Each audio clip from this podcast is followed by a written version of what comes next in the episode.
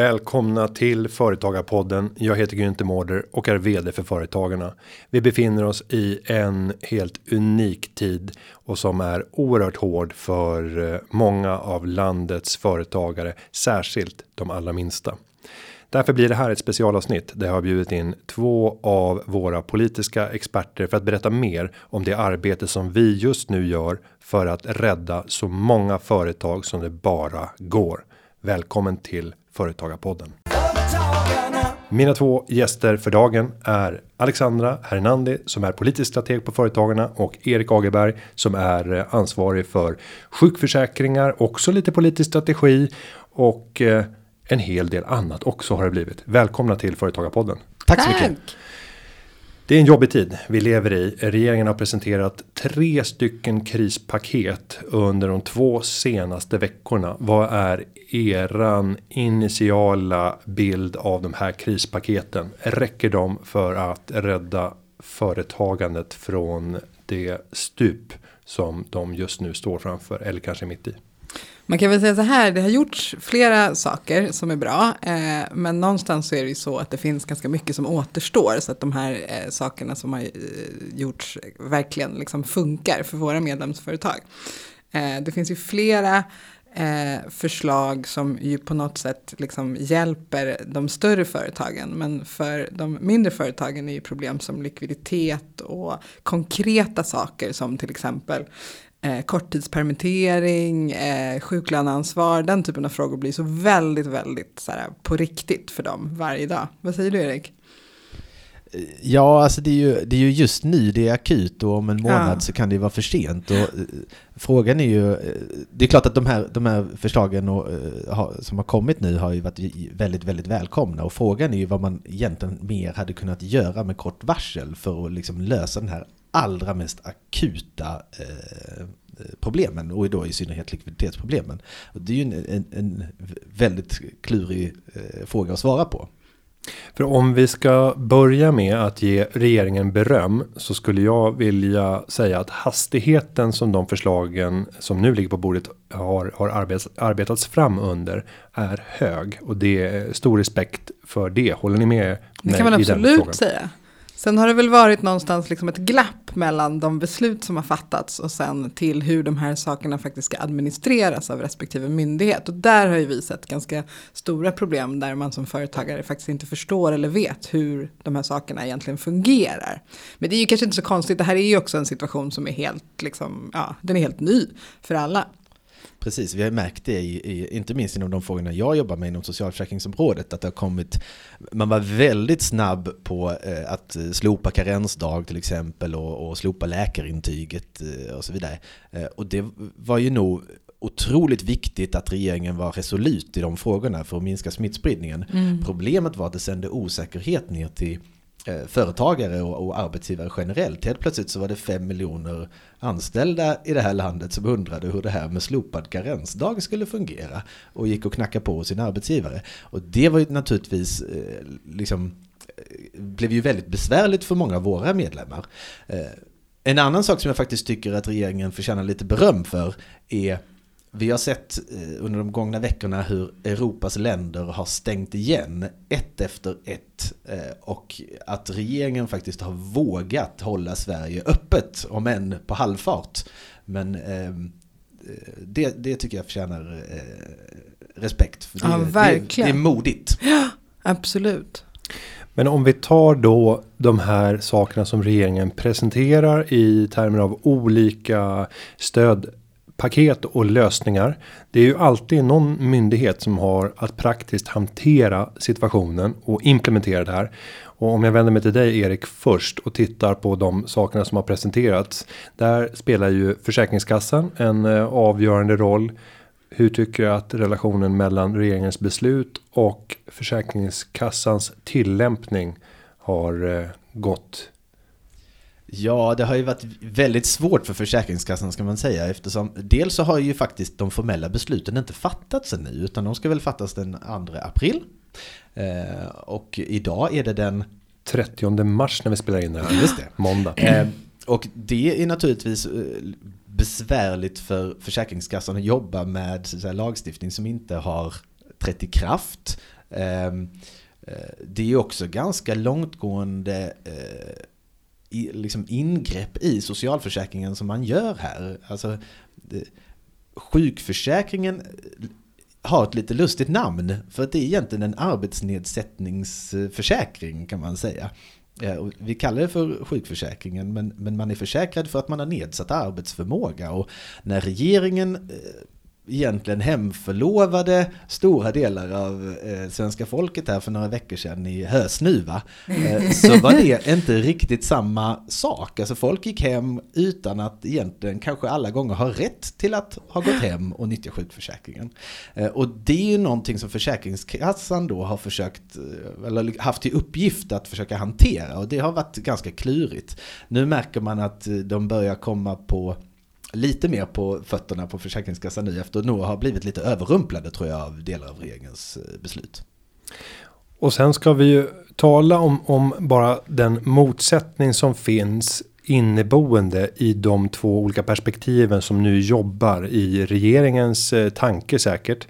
Där man dels har sjukvårdens situation som blir helt ohållbar mm. om det blir en snabb smittspridning. Så där vill man göra allt som går för att platta till kurvan som man mm. säger. Så man vill ha en utdragen process. Vi från näringslivet ser ju naturligtvis vad får en utdragen process för effekter på svensk ekonomi, för arbete, för framtida livskvalitet. Och då skulle ju vi vilja att den här perioden blir så kort som möjligt. Ja. Så det är ju slitningar här och där naturligtvis Magdalena Andersson sitter i regeringen och förstår vilka enorma utmaningar som väntar 2021 när man ska lägga statsbudgeten och man ser att vi har massarbetslöshet och de som tidigare bidrog med skattekronor är idag personer som kräver stöd mm. för att kunna mm. klara av sitt uppehälle. Det svarta hålet vill hon naturligtvis aldrig hamna i och sen samtidigt har du utmaningen med det mänskliga livet.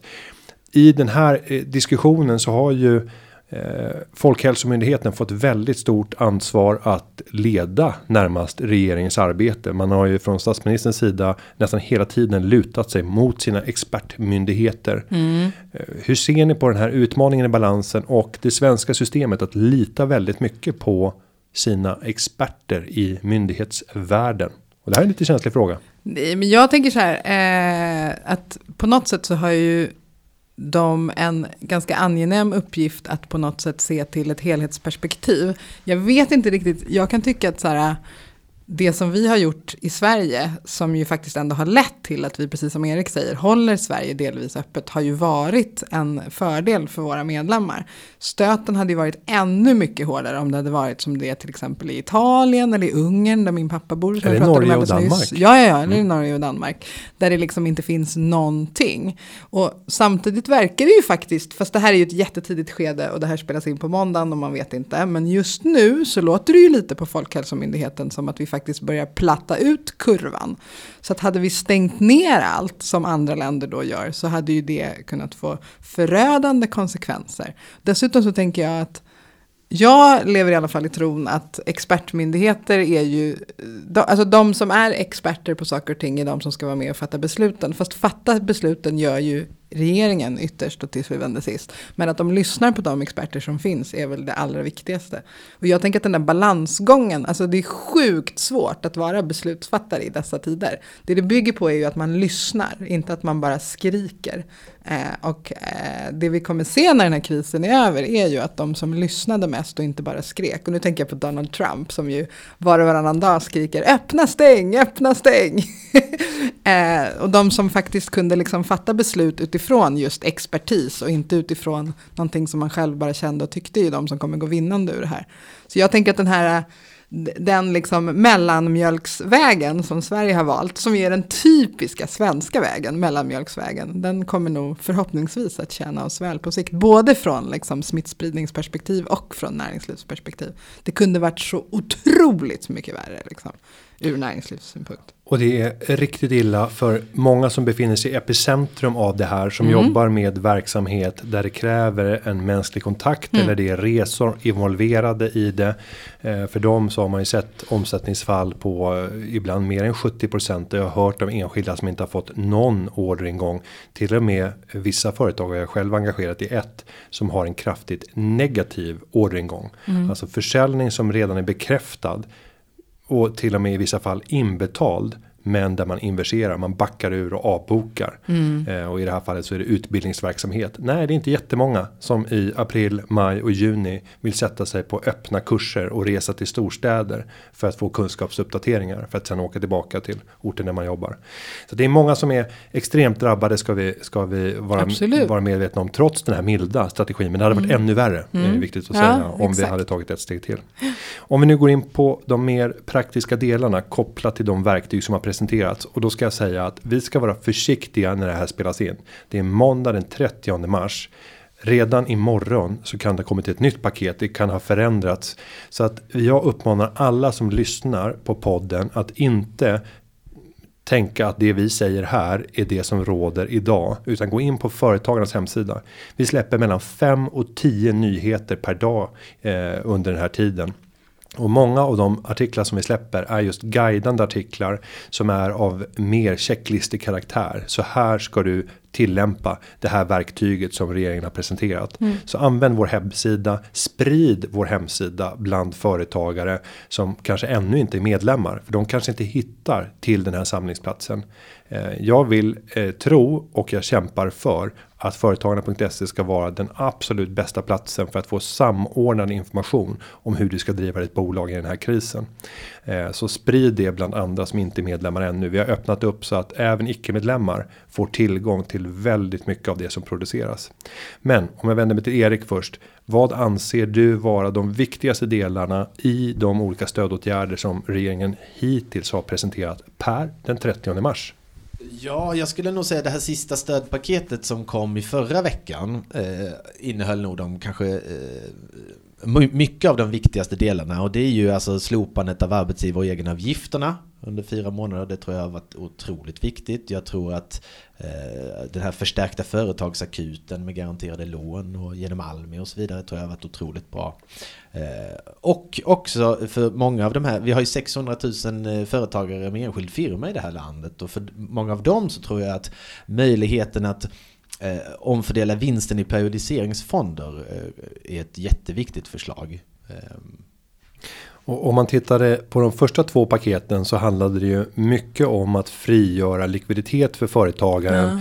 Men man skulle själv eh, belåna sig genom att antingen få tillbaka tidigare inbetald skatt, slippa betala in preliminär skatt framåt och man skulle ta lån vill man från sina affärsbanker. Hur många företagare vill belåna sig upp över huvudet för att klara en, en akut kris som är skapad av politiska beslut? Nej, det är väl inte särskilt många. Bara en ledande fråga. jag vet nej, inte, det kändes lite så va? Jo, nej, ja. och jag tänker så här. Att för en företagare med lätt tunna marginaler. Ta en mm. restaurangrörelse 3-5% i, i nettomarginal om, om verksamheten funkar. Att då belåna sig för att klara och övervintra när omsättningen har fallit till 10% av det normala det kommer att ta åratal för den restaurangen av att ta alla kassaflöden som blir över till att avbetala de lånen. Och i det så finns det därför en inneboende logik för företagaren att inte belåna sig utan att istället driva bolaget mot konkursens rand. För företagaren kan det vara en bättre situation. För samhället är en katastrof, ett katastrofscenario för då plötsligt så står vi utan den arbetsgivaren och den fungerande restaurangen när vi väl kommer ut på andra sidan. Det här tycker jag är ett, ett viktigt argument och en viktig insikt att servera till regeringen för att de ska förstå varför ska man rädda företag? Om ni ska utveckla de resonemangen kopplat till så här logiken hos en företagare. Varför ska man belåna sig för år framöver för att rädda en verksamhet som du ändå kan starta om på nytt efter krisen om ett halvår. Det är ju en, det är inte säkert att man kan. Så att säga. Jag, jag, jag, tycker att det där är en ganska klurig fråga att svara på och jag tycker framförallt att det handlar om att företagare ska vara väl medvetna om vilka beslut de fattar. Det är väl det. Eh, eh, jag nämnde här periodiseringsfonderna eh, till exempel för enskilda näringsidkare. Nu, nu är det på kanske en, en lite, ofta är de företagen lite mindre än de här restaurang. Man driver inte så mycket restauranger i enskild firma hoppas jag. Men där, om man för över hela vinsten som man nu har möjlighet att göra för 2019 i en periodiseringsfond så ska man ha med sig att man markant sänker sin SGI till exempel. Eh, du behöver ha tänkt igenom det väldigt, väldigt väl och att ge så att säga, generella råd här i en eh, poddstudio som vi sitter nu tycker jag är väldigt klurigt eftersom förutsättningarna skiljer sig så väldigt mycket åt. Men om vi bara tar lite detaljer där. SGI, det är ju inte jättemånga företagare som kanske nyttjar vårt sociala försäkringsskydd. Eh, sjukpenninggrundande inkomst, men varför är det viktigt? Och om jag nu som företagare väljer att som första åtgärd, den är ju naturlig, jag ställer in min lön. Mm. Jag gör det omedelbart, självklart för att rädda verksamheten. Om du ska förklara det här med sjukpenninggrundande inkomst och vilka risker man försätter sig i. Mm. Eh. Det, det, ser ju lite olika ut om du har en enskild firma eller om du har ett aktiebolag. Har du en enskild firma så räknar man helt enkelt vad ska man säga, vinsten eh, från eh, föregående år. Och nu är det snart bokslutstider här för 2019 och då kommer det att komma fram ett resultat Eh, som säger eh, vad du har haft för genomsnittlig månadslön helt enkelt under 2019. Eh, den ligger till grund de senaste tre åren för vad du kan förvänta dig i sjukpenninggrundande inkomst aktiebolagsägare räknas ju som anställda i sitt företag så där är det helt enkelt vilken lön de har tagit ut precis som vilken anställd som helst. Eh, och den, så att lönen avgör hur stor ersättning man får från Försäkringskassan i händelse av sjukdom. Eller för den delen föräldraledighet. Så man, det föds ju barn även i kristider. Coronabarn! Mm. ja. Eh, och Alexandra, om du skulle mm. få titta på krispaketen och lyfta upp eh, insatser som du tycker är särskilt, särskilt viktiga för vår målgrupp, alltså de minsta företagen i Sverige. Alltså egentligen är det väl sänkta arbetsgivaravgifter och att vi skulle behöva se fler sådana insatser. För det är väl det som någonstans gör det lättare för våra företag att liksom inte gå på knäna. Det är en sån fråga som regeringen har varit inne och lite tagit på men inte liksom gått fullt ut. Eh, och i övrigt handlar det ganska mycket tror jag om så här praktiska konsekvenser. Eh, hur snabbt kan man få, det märker ju vi, vi får jättemycket telefonsamtal och vi får jättemycket frågor. Jag pratar med flera medlemmar varje dag. Och det det handlar om är ju ofta så här, men vi behöver ju hjälp nu. Eh, det, vi, har liksom, vi ska betala in alla de här sakerna men vi har ingenting som kommer in. Så det handlar väl också jättemycket om en, så här, ett informationsglapp. Eh, som alla springer på samma bollar. Vi försöker precis som du var inne på eh, liksom, eh, att, att kanalisera all information vi har. Men vi märker ju också våra experter, vår juridiska rådgivning, att vi lyckas ju inte få fram svaren på en del av våra medlemmars frågor heller. Och det är väl just den där känslan att så här, det är ju dag till dag, dag för dag just nu. Eh, och den här, liksom, den här beslutsvilligheten från politikerhåll är ju inte synkad med liksom, realiseringen av de beslut som fattas. Och det är kanske ett av de största problemen just nu skulle jag säga. Och det märker man ju som sagt i sin inbox varje dag. Och där ska jag slå ett slag för vår juridiska rådgivning när de går ut i öppna sändningar. Mm. Det kommer att ske på ja, regelbunden basis minst en gång i veckan. Det mm. kan komma att bli ännu mer om vi märker att det är samma typer av frågor som mm. återkommer. Men gå med i företagarnas Facebookgrupp och då finns det mängder av företagarna grupper eftersom vi har 250 lokalföreningar. Men titta då först på din lokalförening där du bor, men också att ansluta dig till rikskontot företagarna i Sverige. För där kommer du få Facebook livesändningar där du kan ställa frågor även om du inte är medlem ännu mm. och kunna få svar. Sen kan ju du som medlem ringa 0771 45 45 45. Just nu så tar vi emot eh, galet många samtal. Enskilda dagar har vi haft ett tryck som är fem gånger högre än det normala. Men vi har tillsatt ytterligare resurser så att vi har kunnat få fler jurister att gå in i rådgivningen för att hjälpa dig som företagare. Är du inte medlem så du kan du ringa in och bli slussad så att du omedelbart får ett medlemskap och därmed kan nyttja den här hjälpen. För det kan vara ett otroligt värdefullt verktyg i den här svåra och jobbiga situationen.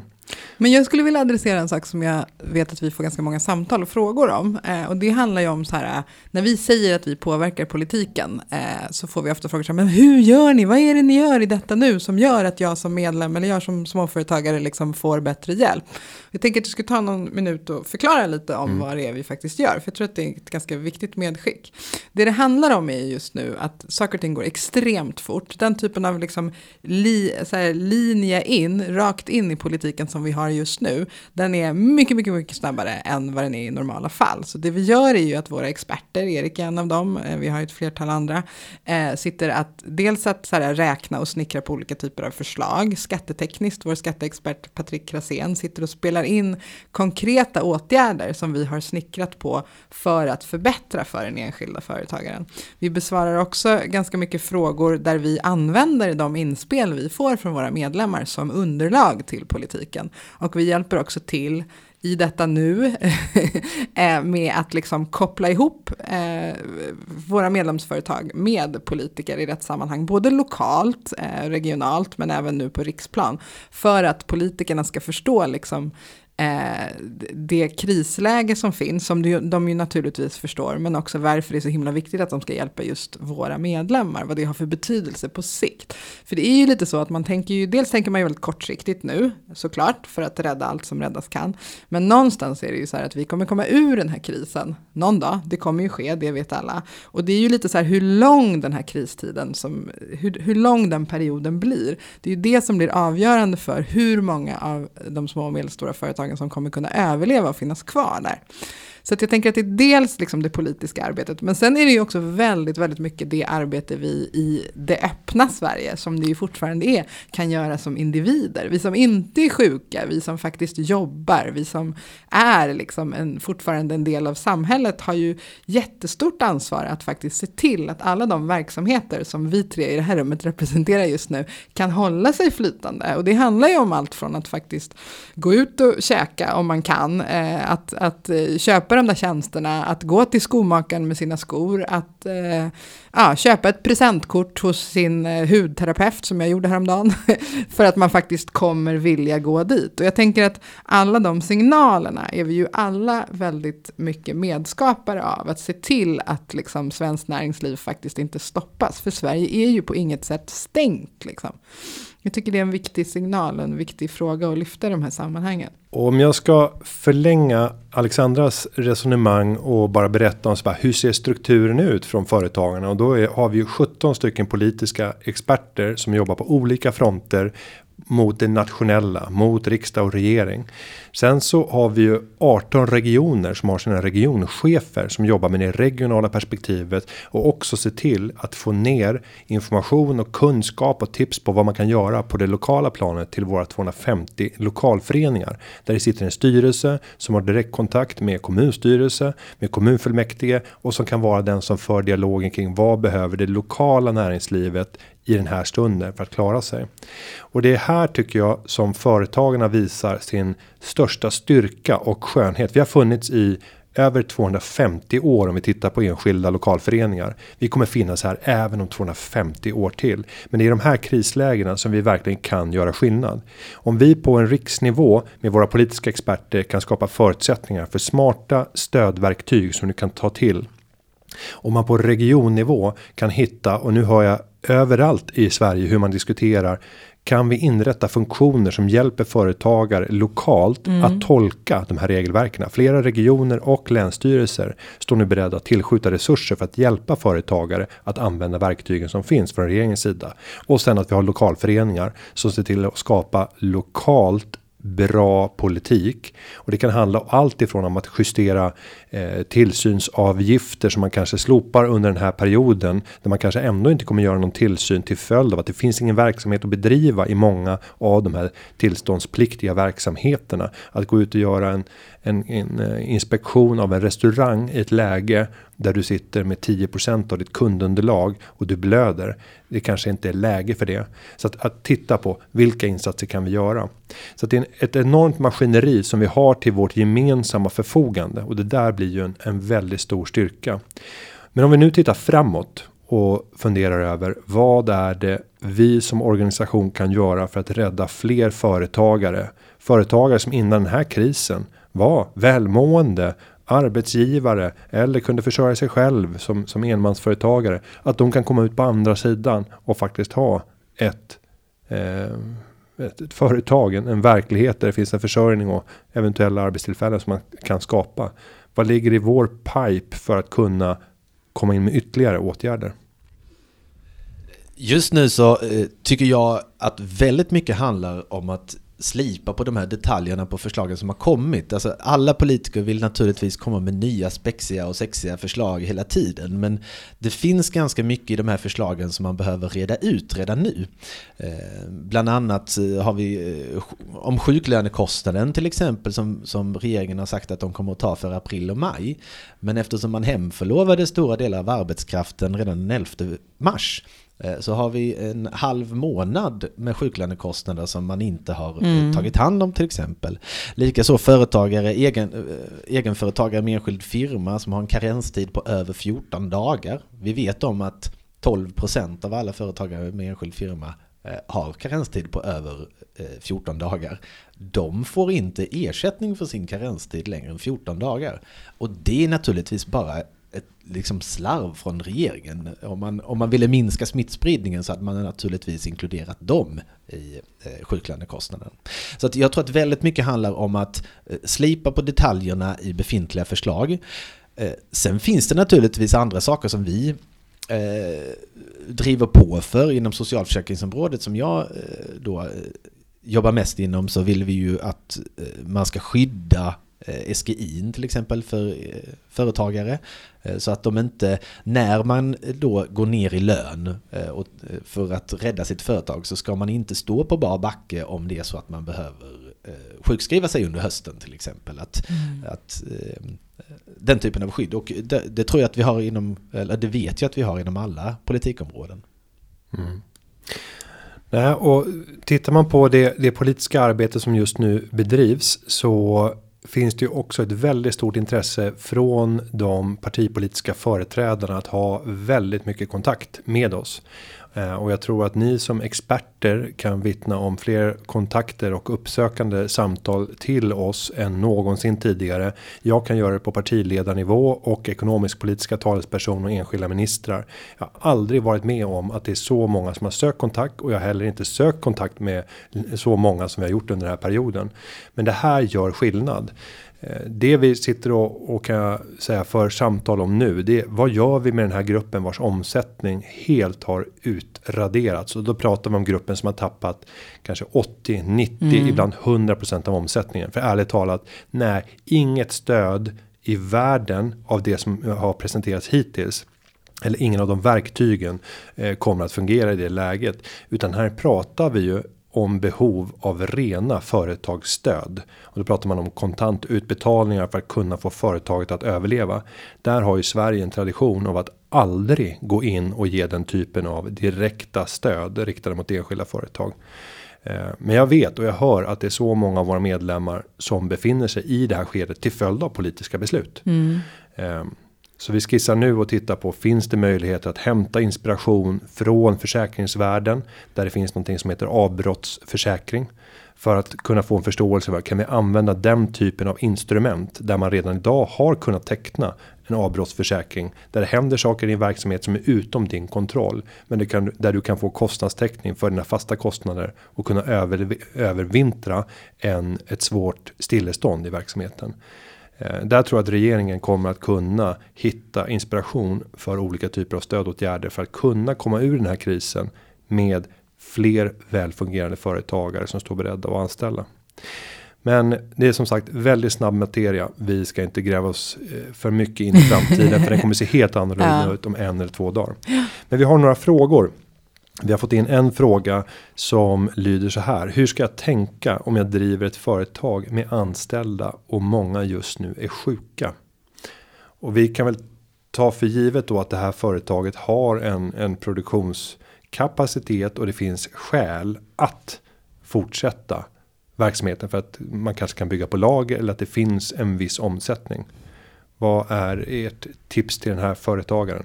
Ja, eftersom jag jobbar med socialförsäkringen så är det väl kanske där jag eh, lägger och fokuserar mitt svar. Eh, och som sagt, jag påminner om det här att det eh, just nu är det det är rörlig materia det här, det händer väldigt mycket. Men just nu så är det så att man, eh, när man är eh, arbetsgivare så ska man göra ett karensavdrag precis som vanligt. Eh, när regeringen sa att de hade slopat karensavdraget så var det för privatpersoner. Det betyder alltså att er personal kommer att få vända sig själva till Försäkringskassan och be om den ersättningen. Så eh, det förändrar ingenting för dig som arbetsgivare. Sen betalar man ut sjuklönen precis som tidigare. Och eh, när regeringen säger att de ska ersätta sjuklönen, och detta gäller ju då från 1 april, eh, så kommer de helt enkelt att kreditera skattekontot precis som de gör idag för ersättning för höga sjuklönekostnader. Det är bara det att det kommer att vara så att säga, en, en högre ersättningsnivå. Eh, så ser det ut just nu i alla fall. Eh, och ska man tänka mer så här företagsekonomiskt, hur ska man hantera den situationen?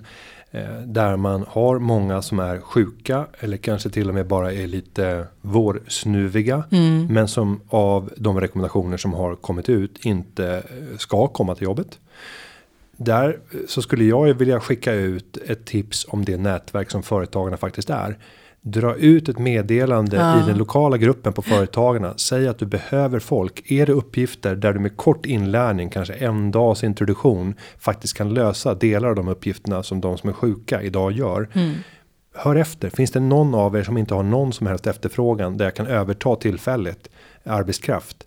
Eh, jag tycker att det här är verkligen stunden att nyttja det här nätverket och kunna hitta ovanliga men snabba lösningar där vi hjälper varandra och omfördelar personal mellan de som har omsättning och de som inte har. Mm. För det finns ju de facto ett antal företag som faktiskt har fått uppleva en stigande efterfrågan under den här perioden. Mm. Vi hade bland annat årets företagare sen för några år sedan Per Svärdson på Apotea. Just det. Där de bara skriker efter ja. personal.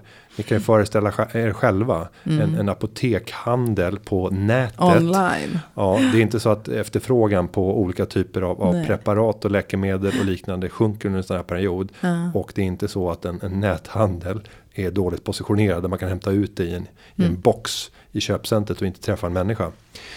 Så titta på vilka företag är det som just nu har väldigt mycket att göra. Kan vi backa upp? Mm. Eh, kan vi hjälpa varandra? Och det här är tiden att, att sträcka ut handen och faktiskt hjälpa varandra.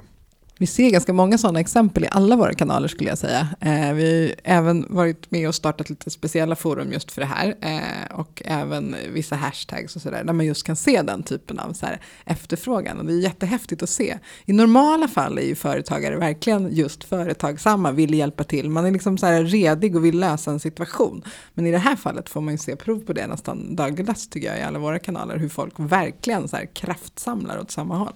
För nu är det ju någon slags, det är ju en fråga om överlevnad. Liksom. Det är det i normala fall kanske också ibland för vissa, men just nu är det ju verkligen kritiskt. Mm, och det är, det är lättare att vara kreativ och ja. tänka liksom den lokala bygden och, och, solidaritet när allting går vägen. Men när man själv har kniven mm. mot strupen eh, så är det ju ett kritiskt läge. Mm. Men där gäller det också för dig som inte befinner dig i samma känsliga situation att se finns det någonting som du kan bidra med i andra delar och det kan ju vara så att, att, att välkomna arbetskraft att kunna komma till till din verksamhet under mm. under kort tid.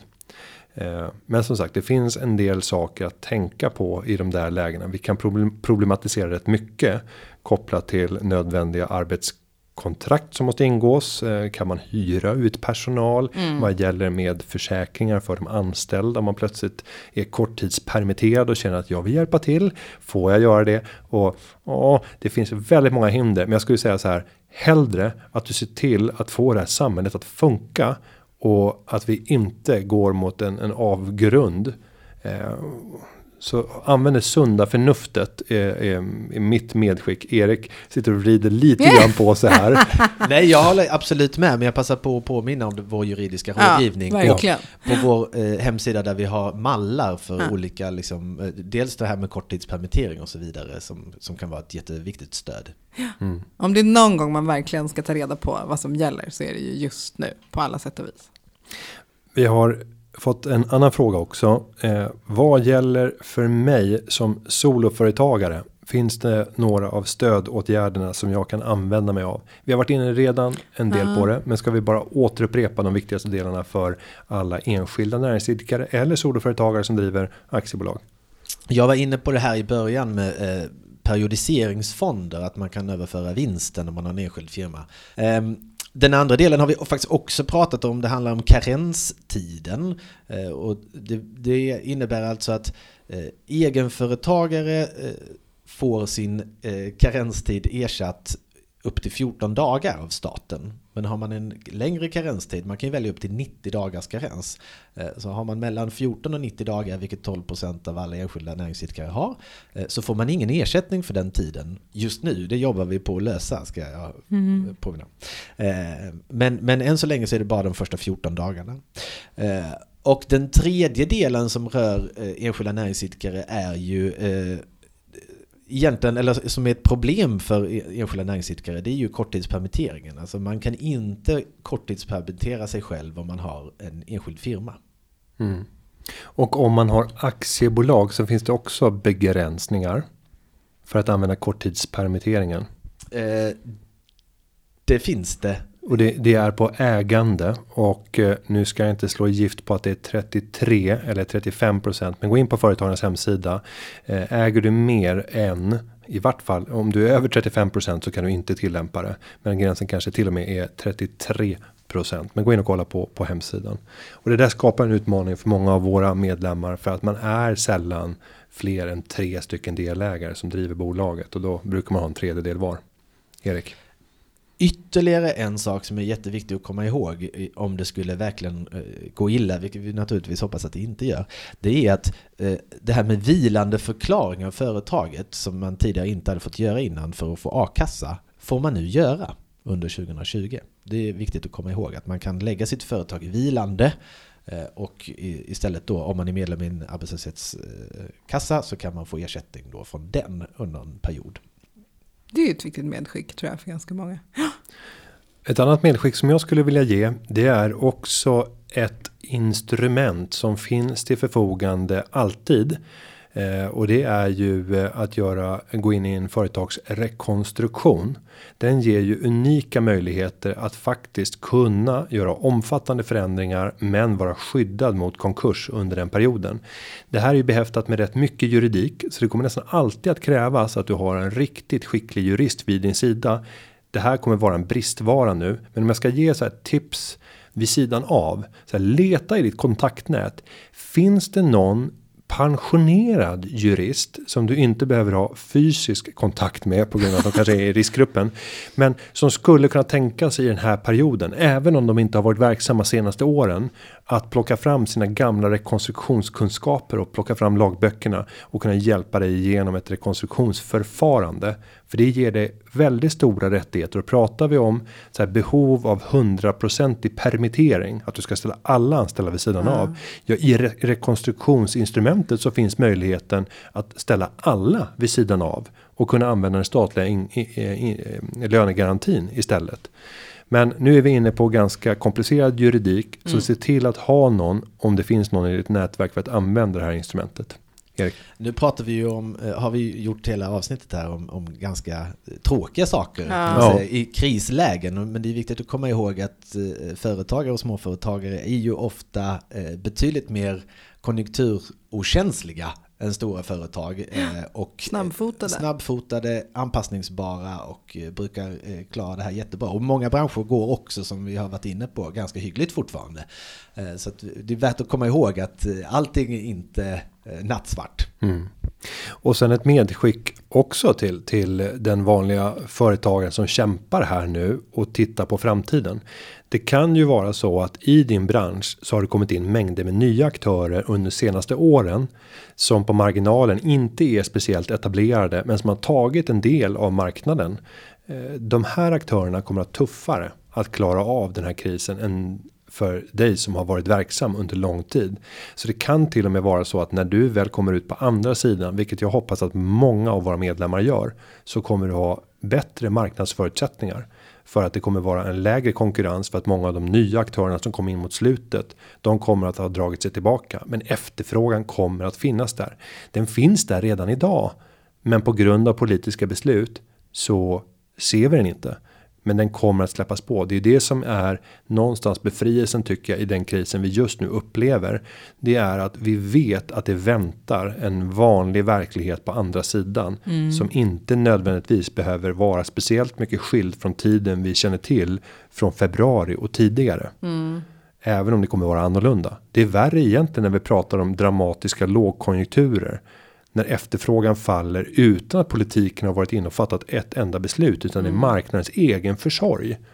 Nu är det en politiskt framtvingad kris och då vet vi också att politiken har möjligheten att kunna få oss tillbaka på rätt köl igen om de talen som vi vill undvika när det gäller överbelastning på sjukvården mm. visar sig kunna kunna hålla.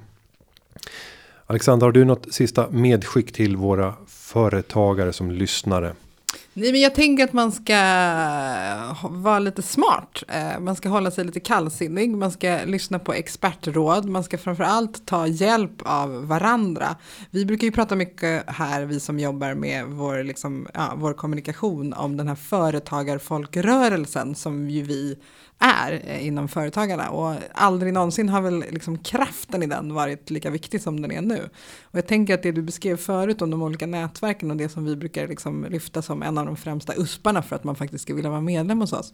Just nu är det ju sjukt fett läge för att använda min, min sons uttryck. Att verkligen så här dra i alla de trådar man kan och tillsammans hitta lösningar. Och en sak som man också ska komma ihåg tror jag i det här läget som vi ibland pratar om. Det är ju att det är ju få som är så liksom, eh, som har så mycket energi och som är så kreativa och så påhittiga att övervintra stormar som företagare. Så att man har ju de bästa förutsättningar just nu. Och det gäller väl lite, lite som Erik var inne på, det finns ju jättemycket eh, fruktansvärt med allt det här, men det gäller också lite att så här, lyfta blicken och tänka lite framåt. Liksom. Nej, och jag kan också se från min horisont mm. att, att efterfrågan på företagarna och ett medlemskap mm. har varit stark under den här perioden. Jag tror att det hänger samman med eh, våra försäkringar. Mm. Eh, redan när man blir medlem så får man tre månaders företagsförsäkring inkluderad i, i sitt medlemskap. Dessutom så har den juridiska rådgivningen, vilket är mer värdefullt än någonsin ja, tidigare. Det kan man ju verkligen se. Och därtill alla mallar och instruktioner ja. kring hur du ska tillämpa de krisverktyg som nu finns till ditt förfogande. Och sen kommer nästa aspekt och det, det, är det lokala. Att komma in i ett nätverk av lokala företagare på 250 platser mm. i Sverige. Så det finns plats även för dig som ännu inte är medlem och du kommer få nyttja hela medlemskapet från dag ett. Så det är också ett viktigt medskick att här har vi inte någon, eh, någon karenstid för att få full access till medlemskapet utan det gäller från dag ett. Ja. Och det finns fortfarande plats för några medlemmar till. Det var en bra att, slutkläm Günther. Ja, varmt välkommen. Så med det, Erik och Alexandra, tänker jag att vi eh, drar eh, ett streck och ber att få återkomma. Vi hoppas varje onsdag framöver. Och jag ska säga att den här podden har eh, förberetts av David Hagen och klippningen är gjord av Petra Chu. Vi hörs igen nästa vecka och tack Alex och Erik. Tack. tack. Företagarna. Ja, ja, ja, ja, ja, ja. Företagarna. Ja, ja, ja, ja, ja, ja.